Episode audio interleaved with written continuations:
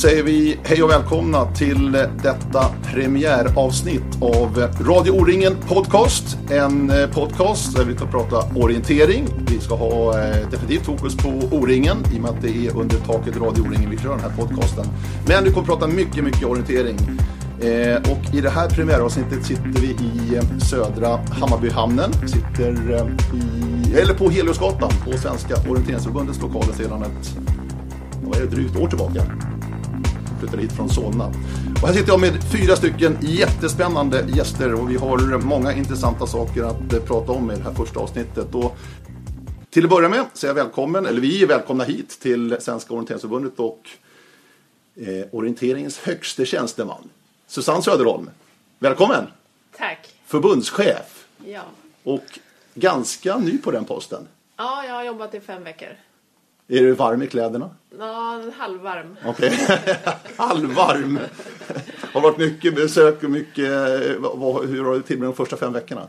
Ja, det var det mycket. Jag, jag började min första arbetsdag, det var morgonen efter framgångarna på Nya Zeeland faktiskt. Oj. Så det var en fantastisk morgon att få lyssna på nyheterna och åka till nya jobbet.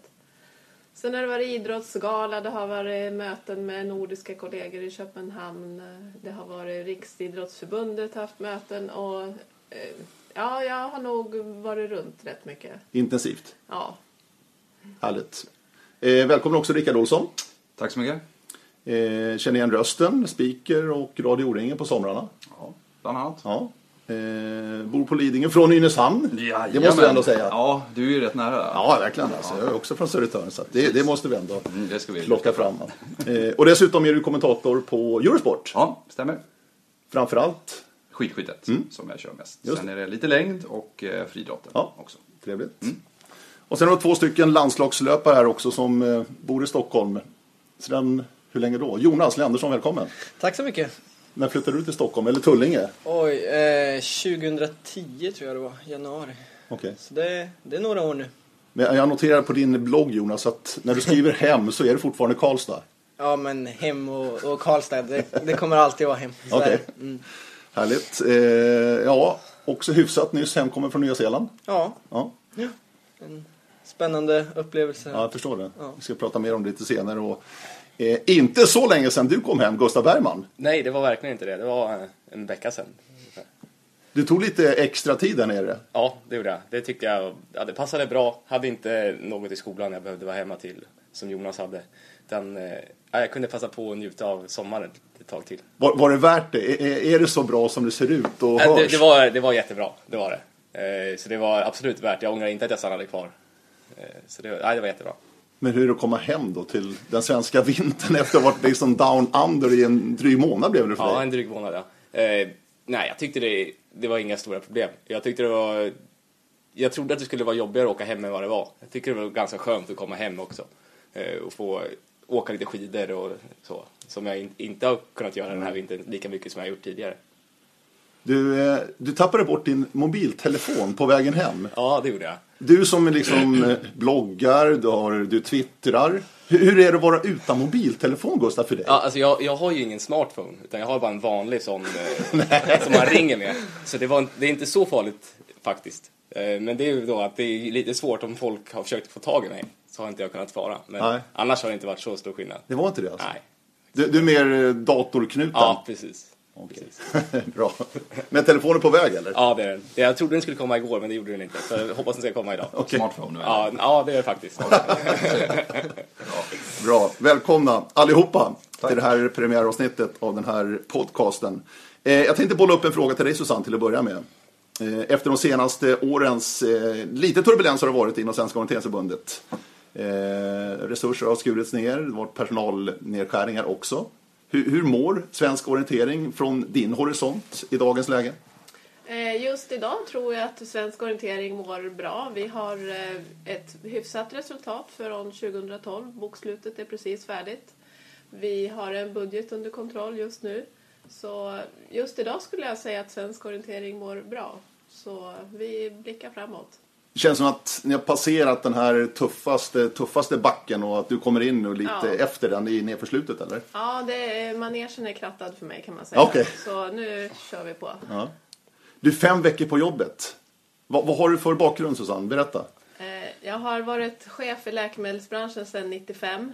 Eh, Så jag kommer ju från en väldigt styrd och reglerad industri. Eh, Där ser jag ju stora skillnader till den här ideella verksamheten där det är mer kontakter, det är mer upp till eh, nätverk på ett annat sätt. Så stor skillnad för mig. Eh, Orienterat har jag gjort sedan jag var liten. Jag har aldrig varit någon elitlöpare men jag har varit med på de här 10 mila Jukkola, eh, Daladubben. Så jag kan orientera och jag har varit chef länge. Men det här var så mycket mer skulle, jag vilja säga. Eh, Så jag har fortfarande mycket att lära. Vad, vad tror du är det viktigaste i din befattning? Att du är orienterare eller att du är chef? Eh, Jag tror att eh, det är att vara chef. Okej. För orientering kan ju de andra. Mm. Och att kunna orientera bäst, det gör ju landslaget bäst till sin profession så att säga.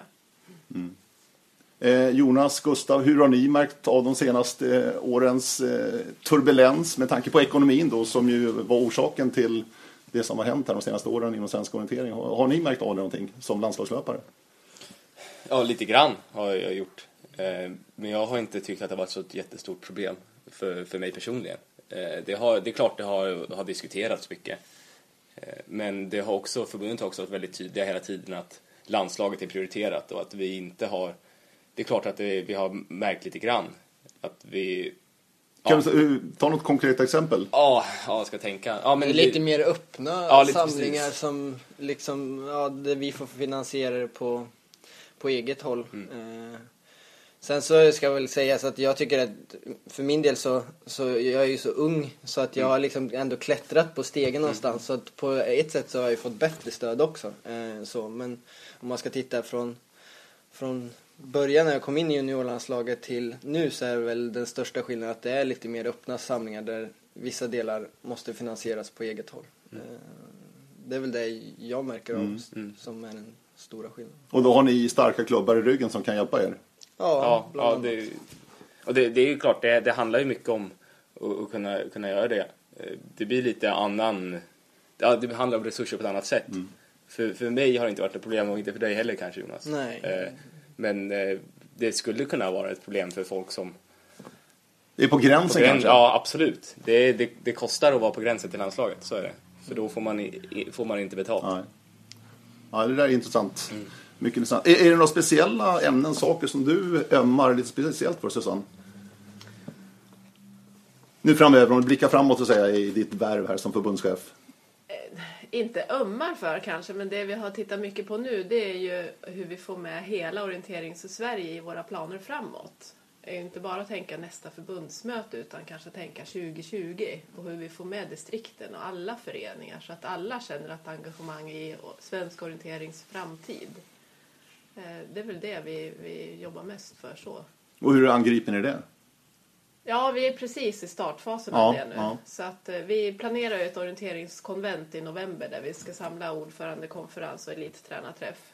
Eh, Så vi hoppas att vi når under resan på vägen dit, att vi når ut till alla.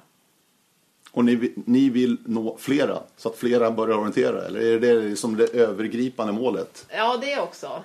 Eh, Världens bästa landslag och att vi blir fler. Det är ju de två vi har. Ja, spännande. Eh, och världens bästa landslag, det har vi ju. Sett till Nya Zeeland nu och den extremt tidiga världscuppremiären var ju precis att det hade blivit 2013 innan världscupen drog igång och vilken sagolik inledning för Sverige. Va? Vad var det som hände där nere, Jonas?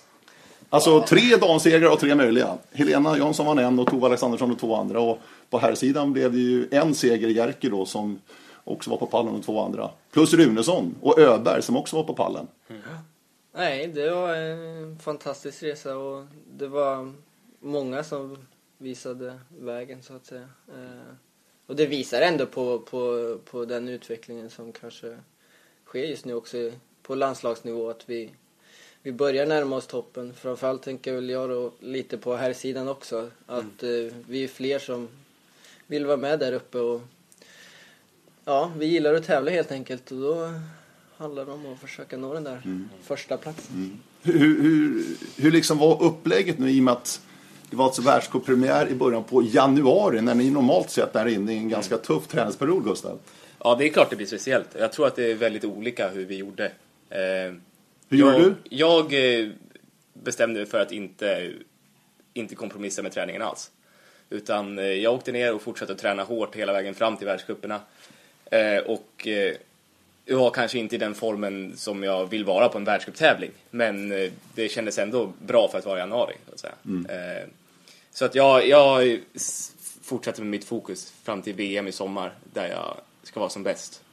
Och bestämde mig för att inte, som sagt, inte kompromissa med träningen. Trots att det var världscuper. 8, 21 och 10. Mm. För dig Gustav och för Jonas var det 13, 11 på sprinten och 17 sen i jackstarten.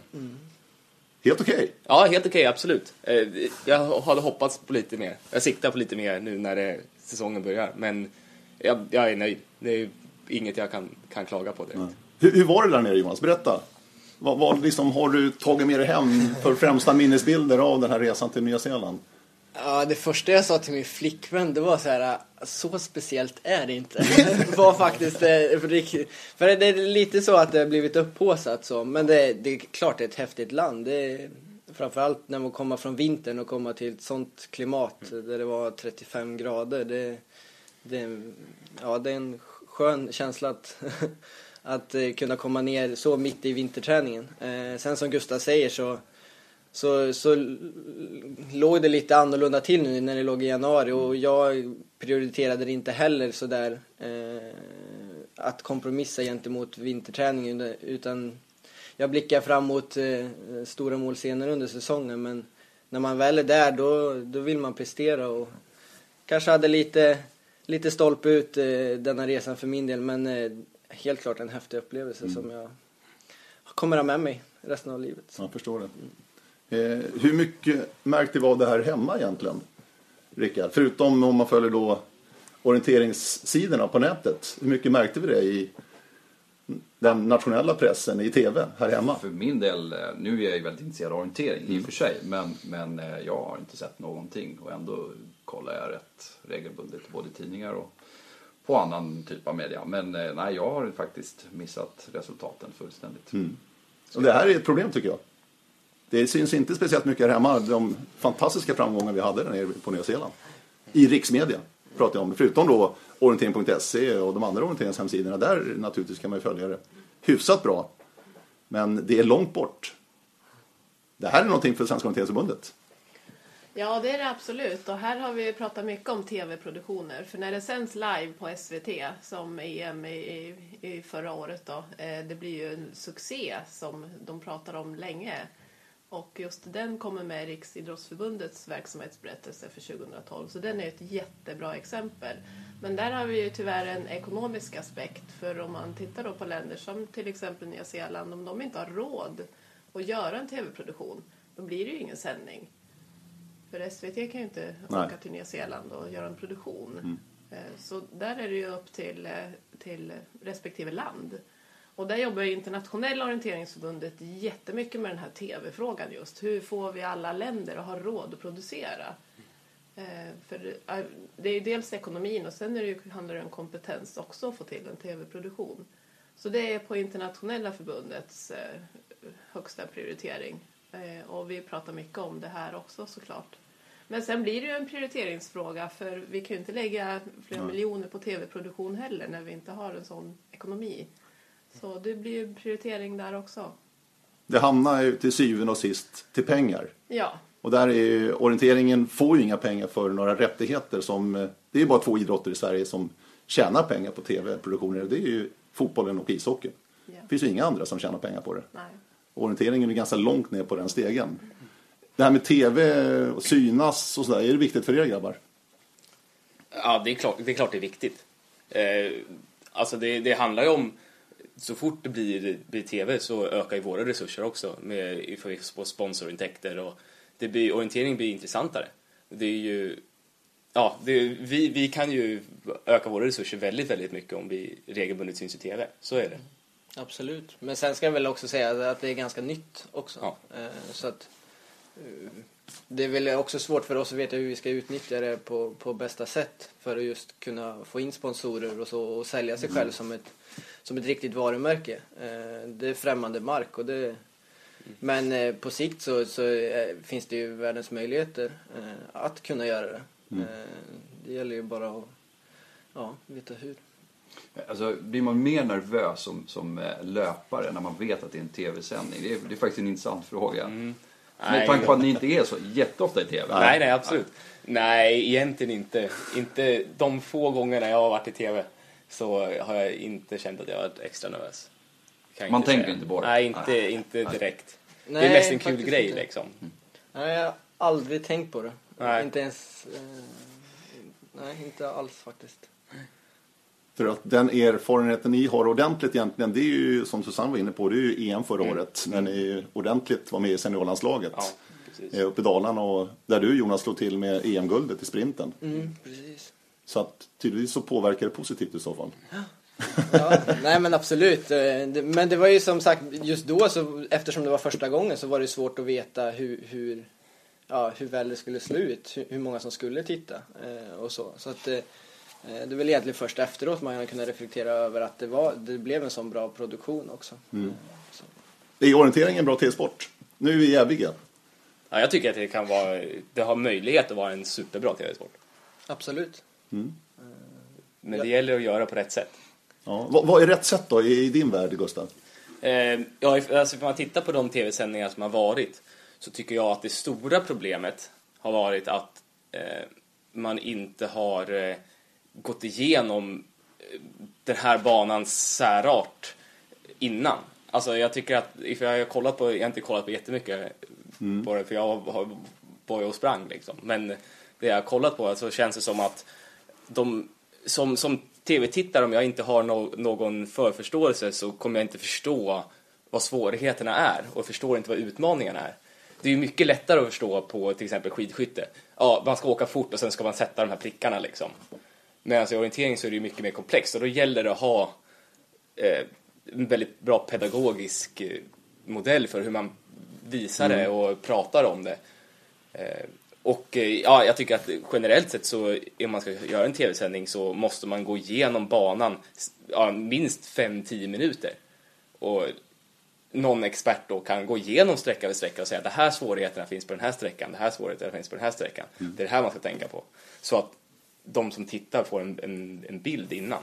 Det är något som jag har tänkt på som är en, brist. Men där är ju svårigheten just som du är inne på. Att de som absolut. sitter i soffan förstår ju inte en karta. Nej. Alltså om Nej. vi nu går utanför orienteringsvärlden. Absolut. Det är där vi har problemet. Ja, absolut. Men det, det, det gör det desto viktigare att verkligen prata igenom.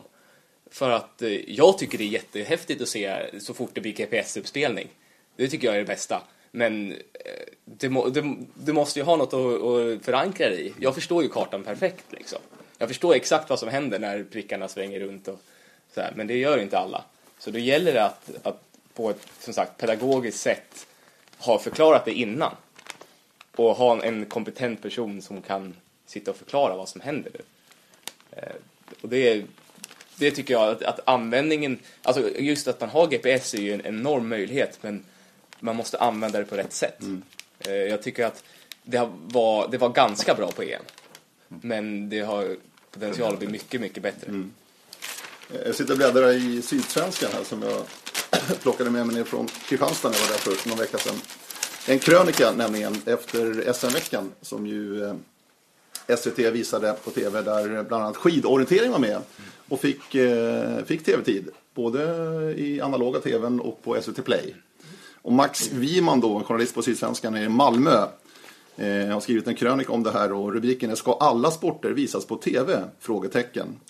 Jag har tagit ut några citat här som, eh, från den här krönikan. Det låter så här. Trodde för ett ögonblick att vi flyttats 30 år tillbaka i tiden och att SVT gjorde något slags nostalgisk återblick på Nintendos första spelkonsol. Men det var inte Super Mario som hoppade runt på skärmen. Det visade sig att det var symboliska endimensionella skidorienterare i GPSens tidevarv. Och lite längre ner skriver han, publiken är dock lika obefintlig där som jag misstänker att den är vid tv-apparaterna. För inte var ni många som gjorde mig sällskap på söndagsmorgonen. Och han avslutar med, vad säger ni om skidskytteorientering? Vore inte det den ultimata SVT-sporten? Så skriver alltså Max Wiman då efter skidorienteringen på SM-veckan. Eh, jag såg den här sändningen, jag var hemma den här morgonen och satt naturligtvis klistrad. Och, eh, jag kan hålla med om till viss del att det, det, var en ganska platt produktion i och med att de hade bara en kamera ute i skogen.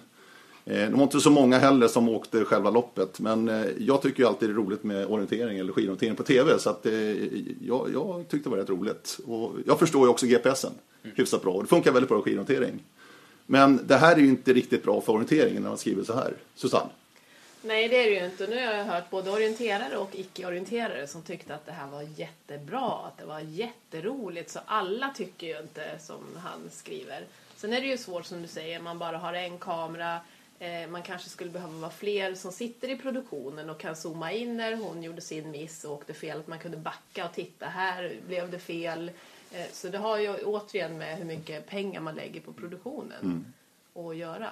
Men med det, de förutsättningar som fanns så blev det ju ändå, skulle jag tycka, en bra produktion. Mm. Eh, vi kommer alltid tillbaka till det här med skidskytte som alla plockar upp när vi pratar om att lyckas i TV. Eh, för det är ju en idrott som verkligen har lyckats. Men för den skull, sakens skull, så har det inte genererat fler aktiva egentligen. Det ska vara klart för oss. För att det är inte många skidskyttar i det här landet som är aktiva. Det är väldigt, väldigt få. Ja. Jag kan inte siffran, men jag tror att det är någon så här 250-300 Ja. eh, som är aktiva eh, ja, på, på Skidskytteförbundets lista. Och det är ju väldigt, väldigt få. Men drar ju oerhört många till TV-apparaterna, skidskytte. Ja, jag- skulle vilja säga att det har blivit mer än, än eh, alltså längd har ju alltid varit liksom number one på vinter. Men jag tycker att det har liksom, skidskyttet har tagit mycket mark från längd. Och mycket är väl för att längd har gjort en miss tycker jag med det här. Mycket massstarter och, och det blir bara en spurt. Och det där kan vi prata mycket om i och för sig. Medan skidskyttet har ju ett moment till, du ska ju ner prickarna också. Men sen så tycker jag att just skidskyttet, om vi nu går in på den, det är väl ett litet problem att jag tycker att det bara har blivit en och en stor skyttetävling. Det är det enda vi ser, vi som sitter och tittar på, Ja. på TVn. Det är bara på skjutvallen. Vi får inte se någonting från skogen. Såvida det inte är en stafett, massstart eller en jaktstart. Och då är de mycket roligare än de individuella tävlingarna. Och det, det, det är ett problem för skidskytte, tycker jag. Men eh, det här var ju en, en, en sågning som jag inte tycker var riktigt rätt heller för på, med skidorienteringen. Jag kommenterade själv skidorienteringen förra året i Östersund. Jag var speaker där uppe och tyckte att den tävlingen, okej, det var inget folk på plats, alltså livepublik, men själva tv-mässigt tycker jag att det var jättebra Mm. för att vara en skidorienteringstävling. Det, det håller jag med om. Jag kollade på den. Jag har inte sett den. Jag har inte sett den här nya heller. Nej, men den från förra året tyckte jag var bra. Eh, ja, den var, den var tillräckligt bra i alla fall för att Ja. sända på TV. Ja. Det var inte, man behövde inte skämmas i alla fall. Nej. Den tyckte jag var helt okej. Som sagt, det finns ju såklart mycket förbättringspotential där också. Men den var bra tyckte jag. Men är all TV-tid, om vi pratar orientering, skidorientering, mountainbike-orientering också kanske framöver, alltså våra discipliner inom svensk orientering, är det av godo? Eller kan det också vara, som Max Wiman skriver här i krönikan också, att det kanske är negativt? När det blir så pass dålig produktion som han tycker. All publicitet är väl bra för en idrott, är det inte det? Kom och köp konserverad gröt. Ja, vad vad är problemet? Ja, just det. Ja, jag kan ha fel, men det det är min åsikt. Jo, men jag, alltså jag tycker att eh, det, det är klart att det är positivt om det syns på TV. Men problemet är väl kanske om... Eh, alltså jag, jag tror att för, för oss som löpare så är det ju det bästa är att vi syns så mycket som möjligt på TV. Oavsett produktionsnivå. Men det kanske är i det långa loppet bättre att bara ha högkvalitativa produktioner. För SvD kanske inte blir lockade av att använda orientering mer i TV om de ser att produktionerna är dåliga.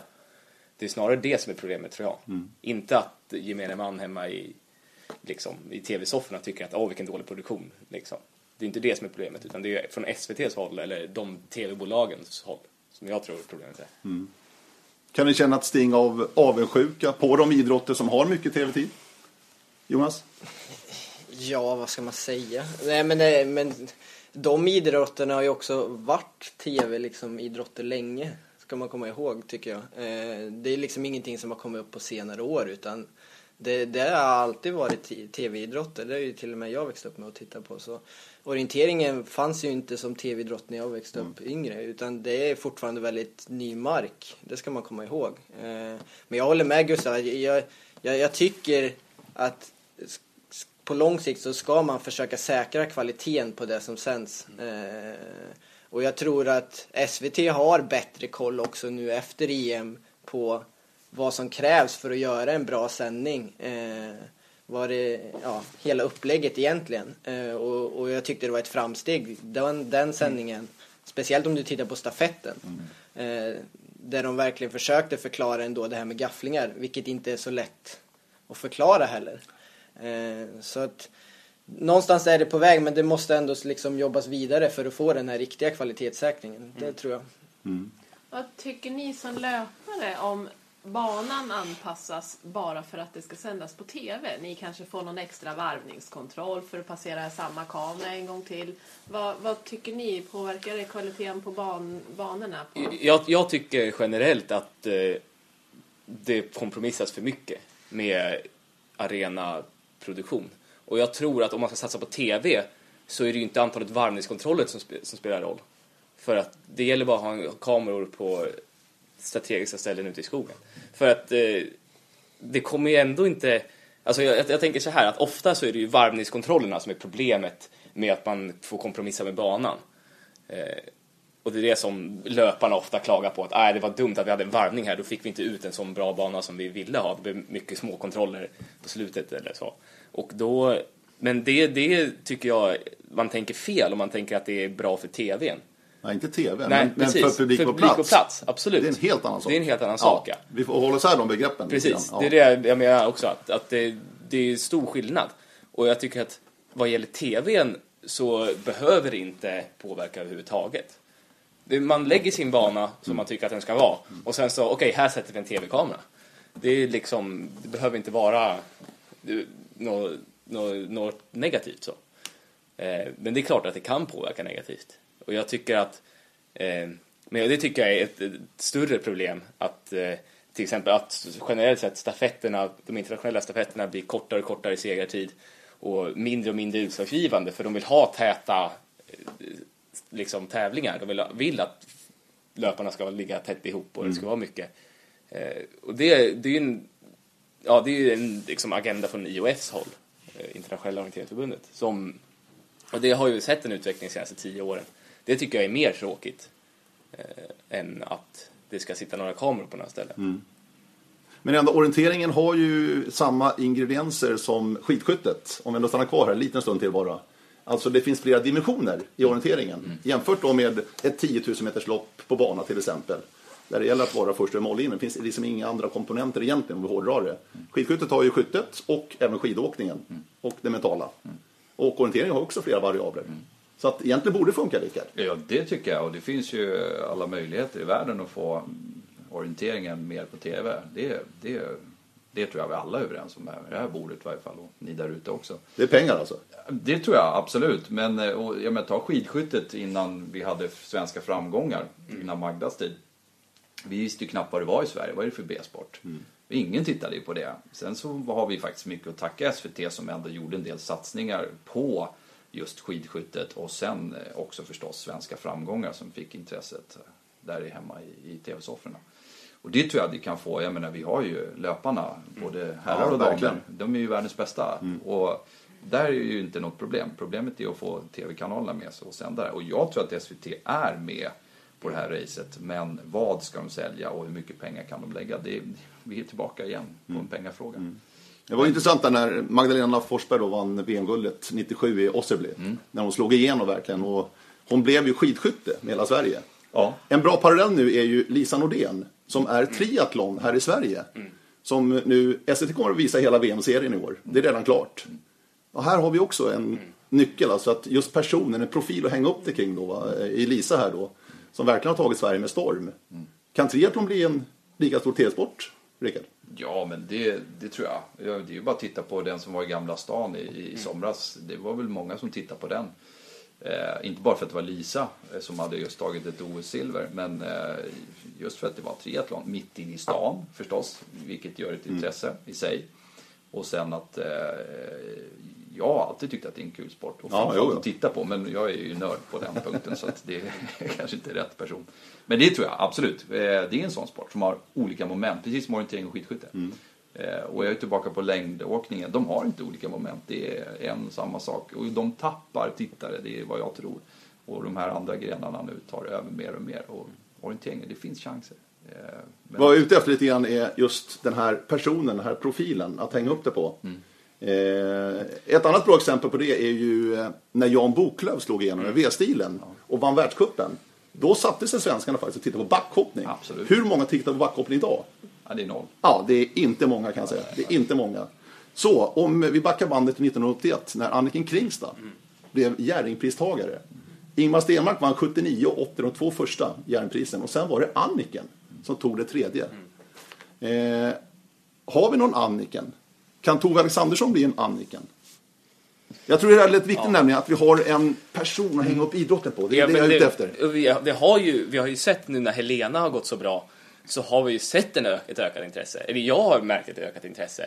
Ja, hon var ju nominerad förra Ja, året. precis. Och hon har ju varit och kommit högt upp i, på sina prislistor och sådana saker. Eh, och varit med syns på Idrottsgalan. Och hon har ju, eh, det har verkligen blivit en sån eh, ikonstatus kring henne. Även om den inte har blivit lika stor som den för Magdalena Forsberg Nej. eller, eller som det var för Annika.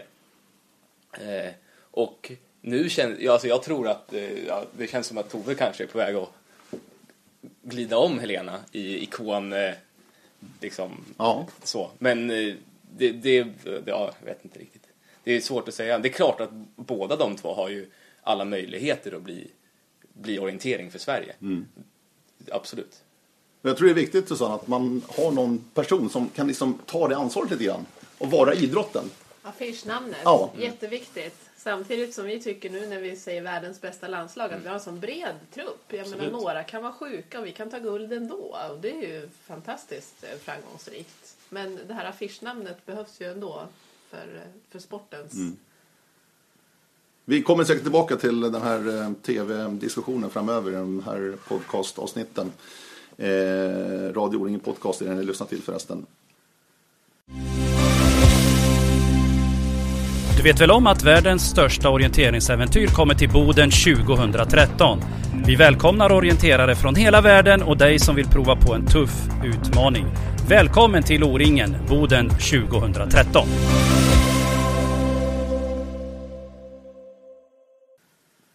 Eh, tänkte avslutningsvis prata lite grann om eh, en sak som jag tycker är intressant när vi ändå har två landslagslöpare här.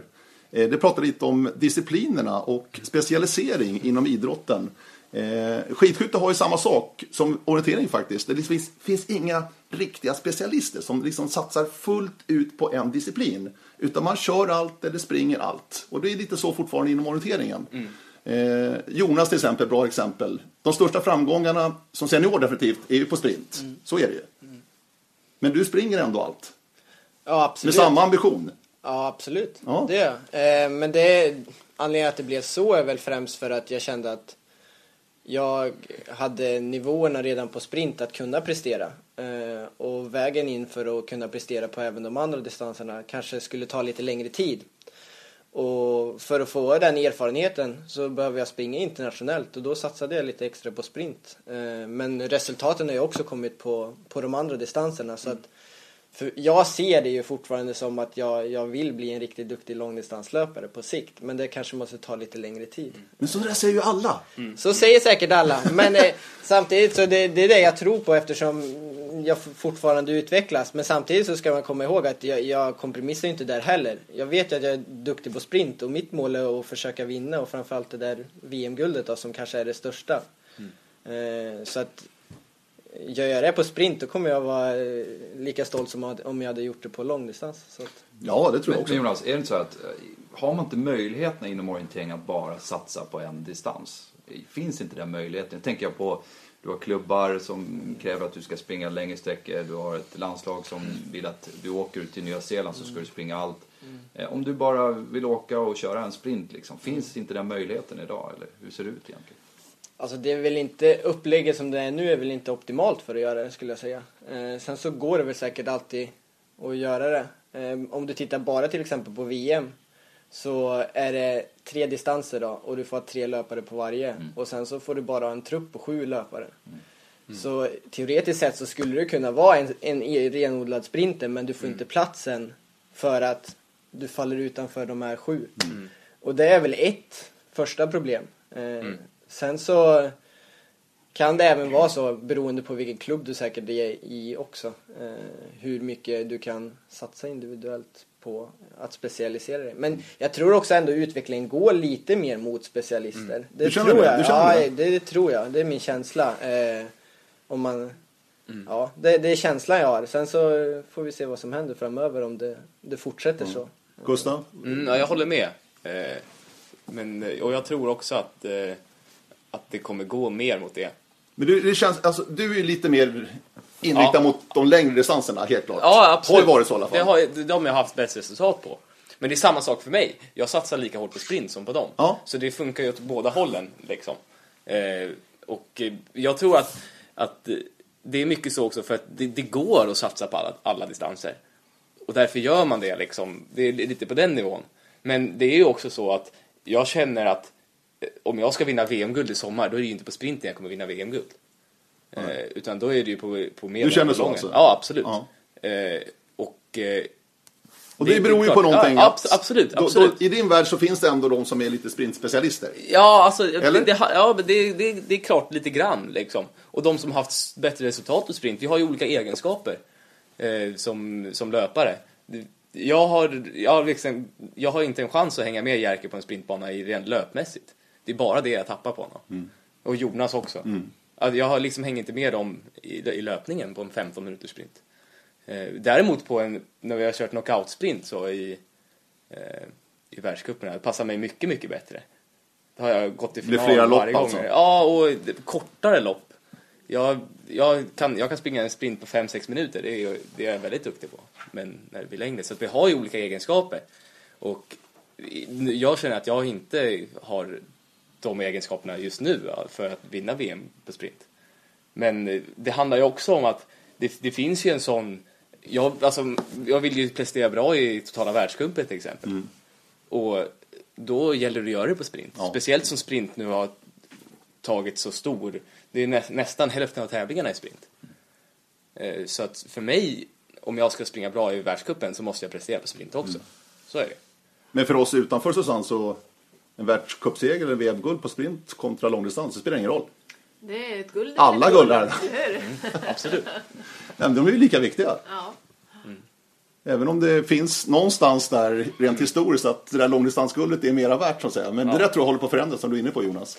Ja, eller det måste väl förändras. Eller det har förändrats. Ja, jo men så är det väl. Framförallt så är ju Sverige en väldigt duktig sprintnation så att det kanske, Sverige ligger kanske lite i front på det Mm. också. Eh, Det kanske är lite annan syn i, i andra Mm. länder. Men eh, det är väl samma sak där. Det, det är ju den nyaste distansen så det tar väl också lite tid Mm. att verkligen få in det tankesättet. Ser du någonting i skidskytte? Finns det några som är specialister på någon av de här disciplinerna? Alltså det är inte, inte rent uttalat Nej. specialist, det finns det ju inte. Eh, sen finns det ju både tjejer och killar som åker bättre på sprint eller på distans. Och det ser vi ju inte minst i, i svenska landslaget. Inte bland killarna men bland tjejerna du som har lite tungt i och för sig. Så finns det ju mm, jäkligt bra skyttar bland tjejerna och de åker ju bra på distanser för de sätter ju fullt. De vill ha fyra skjutningar. Ja, de vill ha det, fyra skjutningar. Medan det är några andra tjejer då som kanske bara ska egentligen åka sprint. Liksom. Eh, Men, men det, inte, det finns inget uttalat att jag är specialist på det. Liksom. Jag satsar bara på det, det gör det inte. Och inte bland killarna heller.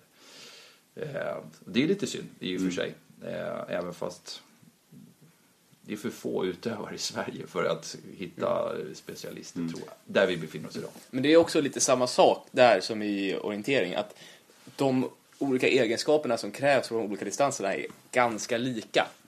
Eh, så att om du tränar skytte och du tränar skidåkning, ja då lyfter du på både distans och på sprint. Och samma sak i orientering, att eh, om du tränar på att springa så blir du snabbare och då blir du bra på alla distanser. Liksom.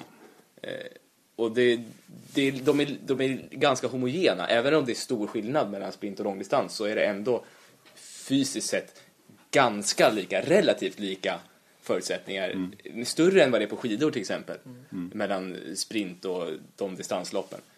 Ja, där har du tydlig skillnad. Ja, där finns Ja. det, det, det är där det finns Ja, eh, exakt. specialister. Men det var det inte liksom. från början. Nej. Nej, Nej. absolut. Och det finns ju fortfarande sådana som är väldigt duktiga i sprint som är duktiga på andra också. Mm. Eh, det är ju inte, det, det är ju inte så att det krävs att du är specialist. Nej.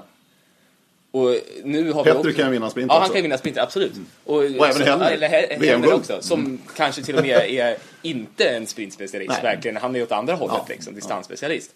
Men så har vi också, det är ju också så i skidåkning, jag tror att många sprinters har ambition att prestera på distans Jag också. tror de vill det. De vill det. Också. Ja. Ja, det- Som vi har ju till exempel Emil Jönsson som är den bästa sprinten vi har. Som är väldigt duktig på sprint, men han satsar ju på att ta ett staf en stafettsträcka. Liksom. Så att, det är ju inte så att han bara, bara koncentrerar sig på sprinten. Nej, Han har i flera år alltså, uttryckligen sagt att jag ska bli bättre på de längre Ja, distanserna. ja. Nu har det ju gått sådär, men, men det är ändå... Ja, han ja är- precis. Han är Det, på väg. ändå, det är lite samma mentalitet som vi har i orientering också. Nu drar vi ett streck i den debatten. Ja. Eh, diskussionen ska jag säga. Eh, ett ämne till. Ni ska ha en fråga också nämligen. Vi ska ha en fråga i varje program. Eh, och orientering är en av de absolut tydligaste generationsidrotterna. Eh, det går i arv, orienteringsintresset. Det är ju de här två grabbarna bra exempel på. Jonas och Gustav. Och därför tänkte jag en fråga faktiskt med koppling till era, era fäder. Eh, Gustavs far, pappa, har vunnit ett tiomila. Ja. Vilket år är frågan? Och Jonas pappa har vunnit två tiomila. Vilka år? Så att där har ni alltså frågan. Säg inte vad de heter, det får ni söka upp själva. Alltså. Eh, Gustav Bergmans pappa har vunnit ett tiomila. Vilket år? Och Jonas Leanderssons pappa har vunnit två tiomila. Vilka år? Det är alltså frågan. Och svaret skickar ni på mail till radio snabel-a oringen.se. Radio oringen.se är alltså adressen. Eh, ni hittar oss också på Twitter förresten, på radio understreck O-ringen. Sök på radio O-ringen bara på Twitter så hittar ni oss där. Där kommer vi också lägga ut information när programmen är publicerade och annat. Jo, det här, eh, lycka till förresten. Eh, lurig fråga där. Kan du den Susanne? Nej. Nej, men det ska vara lite lurigt. Kan Eh, du den Jonas? Jag, jag kan ju ena frågan. Ja, men det är lurigt. Eh, jo, det här med generationsidrotten, vi måste ändå ta det eh, avslutningsvis, Susanne. För att det är så otroligt tydligt i orienteringen. Det är inte många eh, som når högt upp som inte har någon koppling till orientering när de börjar. Så är det. Ja. Är det där någonting ni jobbar på också, den här visionen framöver och hitta ut till andra? Ja, oh ja, det är ju Utanför familjen? Ja, precis. Och det är ju även med i, som mål hos Riksidrottsförbundet att få fler vad ska man säga, äldre att motionera för att det är bra för hälsan. Och vi har ju jättebra exempel på veteranorientering runt om i landet där de är 75, 80, 85 ute i skogen och springer eller promenerar. Så, och vi har pratat mycket om åldersgruppen 20 till 30. Man kan börja orientera även där. Då kanske man inte hamnar i landslaget men man kan ju vara med och springa för att det är roligt. För det är ju det eh, vi tycker, att det är roligt. Ja, men det tycker vi som håller på med det. Så, så enkelt är det ju. Men Gustav och Jonas, ni hade ingen val egentligen, ärligt talat. Ja, jag vet inte. Det är Jag- riktigt, riktiga orienteringsfamiljer. Ja, vi har ju, vi har ju liksom slussats in i det så att säga. Men eh, sen så, det, är- det är klart att eh, om jag inte hade tyckt att det var kul hade jag inte fortsatt. Så är det ju. Men eh, ja, jag vet inte. Nej men visst är det så. Alltså man slussas ju in att börja men sen så är ju någonting att ta sig hela vägen upp i landslaget och på den nivån det, det gör du inte bara för att du slussas in utan då lär du ha lite inställning på vägen. För mig hade du lika gärna kunnat sluta med en annan idrott. Alltså, Ja, till exempel. spelade ju ishockey till jag var Ja, du 16 gjorde det. och det var den första idrott, eller prioriterade idrotten då så att eh, I Färjestad eller? oj, oj, oj. Du håller på Färjestad eller? ja jag är ett riktigt hockeyfan. Kommer man från Karlstad Ja. så kan man inte hå- hålla på något annat så att, Det kanske går hela vägen i år. ja, kanske. Det är inte Det omöjligt. brukar vara varannat år. Ja, det brukar alltid smyga där. Komma bra i slutspelet Färjestad alltså. Eh, Gustav, OK Ravinen är ju fantastiskt duktiga på ungdomssidan. Rekryteringen där, hittar ni ungdomar utanför orienteringsfamiljen? Ja, Hur, hur gör ni det? Ja, det, det är klart att det är svårt. Det, vi har väldigt eh, stark koppling till skol, några skolor i, i till exempel Älta och Nacka. Eh, och det, det, det, det tror jag att, eh, att Ravinen är en av de bästa klubbarna i Sverige på att eh, faktiskt få, få in eh, orienterare som ja, ny, ny, nya som inte har någon koppling till det. Och det är också väldigt, eh, som jag är imponerad av ungdomsverksamheter, att de lyckas få föräldrarna engagerade i klubben. Och Det, det, vi har Det är nyckeln. Ja, ja, vi har jätte, jättemånga exempel på att eh, hela familjen har börjat orientera fast det var bara barnet som började först. Och vi har ja, i vår elitkommitté liksom nu så sitter det säkert, ja det finns säkert tre, fyra stycken som inte har orienteringsbakgrund som föräldrar liksom, för deras barn är, är aktiva. Och i, i, liksom i engagerade i klubben, så det är jag jätteimponerad av Ja. att de har lyckats. Här är ju skolorna jätteviktiga, att de inte kör gamla modellen. De behöver ju också bli moderna. Så där har vi också ett projekt på, på Soft med att utbilda lärare, ett skolprojekt. Bra. Eh, Så att skolorienteringen blir modern. Ja, jag, jag, jag tror det är en väldigt stor nyckel. För att vi har ju själva varit med på skolidrotten, orientering, och jag kan ju erkänna att det var inte den roligaste lektionerna. Eh, och där förlorar vi säkert många, för att det är ett obligatoriskt moment i skolan. Så det, det blir ju en viktig liksom, eh, del i det. Vad bra, nu ska vi ta och eh, avsluta det här premiäravsnittet av Radio O-ringen Podcast. Eh, Jonas och Gustav, era tre huvudmål den här säsongen. Jonas, du börjar. Oj, tre, det var många. Ja. Eh, VM är ju det klart Ja, största. det förstår jag. Eh, det är det. Sen så skulle jag ju väldigt gärna först och främst ta mig till SM-final på medeldistans på seniornivå. Jag har Okej. åkt, åkt ur två år i rad. Så att, och försöka ta en, eh, ja, den ädlaste medaljen på ett individuellt SM skulle Mm. vara kul. Det är väl det, det är, två säger jag. Du säger två? Ja, jag nöjer mig med Ja, det. okej. Och Gustav? Eh, Ja, VM definitivt. Mm. Eh, som största mål.